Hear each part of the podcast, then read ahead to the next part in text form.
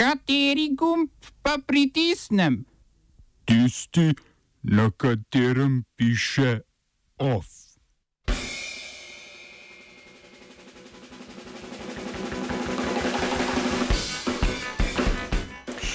Presenečenje. Trump zlorablja sredstva dobrodelne organizacije.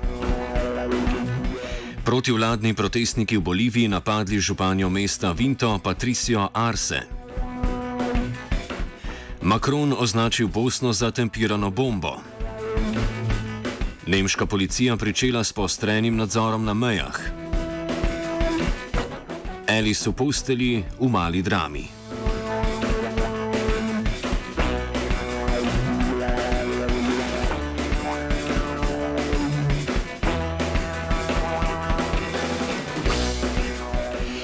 Zvezdno vrhovno sodišče v New Yorku je ameriškega predsednika Donalda Trumpa obsodilo zaradi zlorabe sredstev dobrodelnih skladov za namene njegove predsedniške kampanje leta 2016.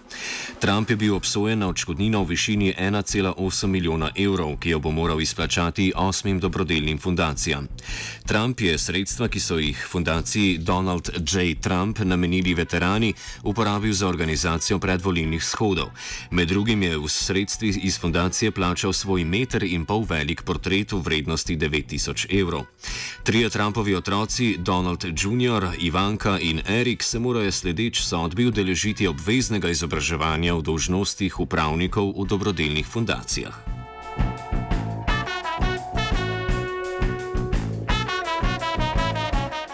Nadaljujemo z drugimi novicami sveta političnega udejstovanja milijarderjev.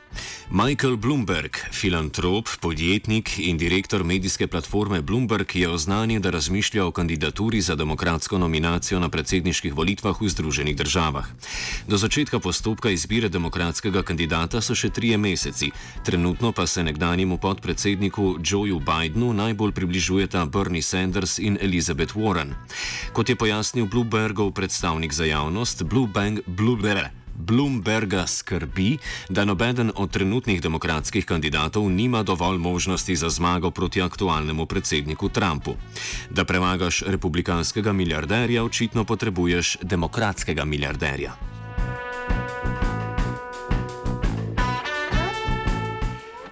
Boliviji, kjer že več tednov potekajo spopadi med provladnimi in opozicijskimi protestniki, so demonstranti iz občinske stavbe prisilno odvekli županjo Patricio Arce, ji odstrigli lase, jo polili z rdečo barvo, se zuli in jo prisilili v pohod skozi mesto. Arse je županja iz vrst vladajočega gibanja za socializem, ki mu predseduje oktobra ponovno izvoljeni Evo Morales. Opozicijske stranke so po oktobrskih volitvah Moralesa obtožile manipulacije z glasovi in pozvale k mobilizaciji.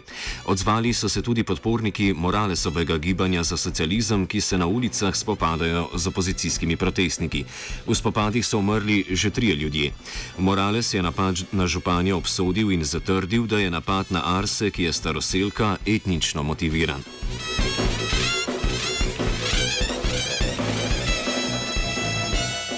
Brazilsko vrhovno sodišče je šestimi glasovi za in petimi proti razsodilo, da obsojena oseba ne sme biti priprta v zaporu, dokler niso izčrpane vse možnosti pritožbe. Sodba vrhovnega sodišča potencialno lahko pomeni, da bodo iz zapora izpuščeni tudi vodilni politiki, ki so bili zaprti zaradi korupcijske afere Autopralnica, med njimi tudi nekdani predsednik Lula da Silva.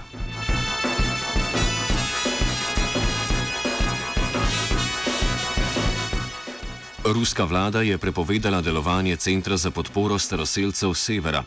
Center predstavlja interese približno 270 tisoč nomadov, ki živijo na severu Rusije in je registriran kot nevladna organizacija, za katere v Rusiji veljajo stroga pravila delovanja. Ruska vlada je leta 2012 sprejela zakon, ki vse nevladne organizacije, ki sprejemajo sredstva iz tujine, označuje za tuje agente. Center za podporo staroseljcev severa je posledično prenehal sprejemati sredstva iz tujine. Ruska vlada je zatrdila, da je Center za podporo staroseljcev severa prekršil pravila določena zakonom o delovanju nevladnih organizacij in ga razpustila.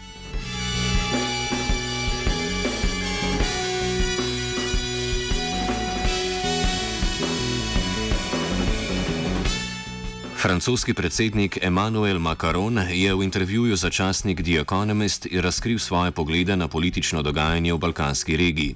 Povdaril je, da za Evropsko unijo nista v ospredju niti Makedonija, niti Albanija, katerih pristop k pogajanjem za vstop v unijo je blokiral, temveč Bosna in Hercegovina, ki je po njegovih besedah prava tempirana bomba v neposrednji bližini Hrvaške. V Bosni in Hercegovini je po Macronovih besedah največji problem vračanje džihadistov v državo. S svojimi izjavami je precej razburil tamkajšnje politike.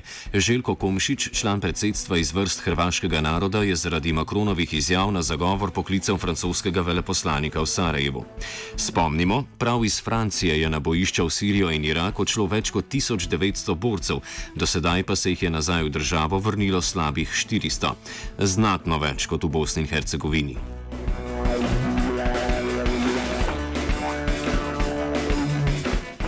Macron je bil aktiven tudi na svoji zemlji. Dan potem, ko je obljubil, da bo francoska policija izpraznila vsa šatorska taborišča v okolici Pariza do konca leta 2019, je policija iz dveh taborišč selila več kot 1600 migrantov. Med njimi je petina takih, ki jim kljub odobreni prošnji za azil ni uspelo najti namestitve.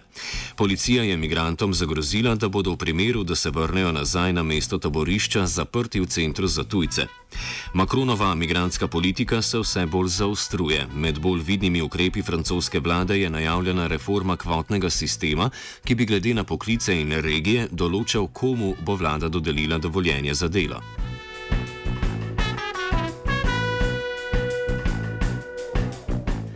Nemška policija je v zvezdni državi Saška pričela s poostrenim nadzorom na mejah.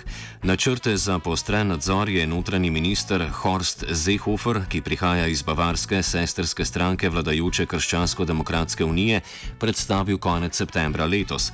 Vključujejo pa povečano število naključnih pregledov. Policija bo nadzor izvajala predvsem na prehodih, ki so povezani s transportnimi potmi za migrante. Sledeč Seehoferjevi uredbi bo policija migrante, ki so bili iz države že izgnani, lahko zavrnila takoj na meji. Oba, če, bom odgovoril na angliški. Slovenija will try to help. We can Slovenija will and we will do our utmost To say that the situation is our problem ourselves. and uh, We will make further steps as soon as the conditions are bomo vlado Marjana Cererja, Mira, eh, Marjana Cererja Šarca podprli. uh, very, very serious. we know how and we will. Družba za upravljanje terjatov bank po naročilu gospodarskega ministra Zdravka Počivalška in ministrice za infrastrukturo Alenke Bratušek pripravlja informativni izračun o tem, ali bi se državi splačala ustanovitev novega nacionalnega letalskega prevoznika Air Slovenija. Podatke bodo na slabi banki predstavili naslednji teden. Že danes je sicer Radio Slovenija poročal o tem, da naj bi predstavniki slabe banke finančni načrt predstavili nekdanjim pilotom Adrije. Po poročanju Radia Slovenija naj bi nova nacionalna letalska družba v prvem letu delovanja pridelala 20 milijonov evrov izgube. Da je prišlo do sestanka z nekdanjimi piloti Adrije, so na slabi banki zanikali. Prav tako pa so zanikali podatke, ki jih je navajal Radio Slovenija.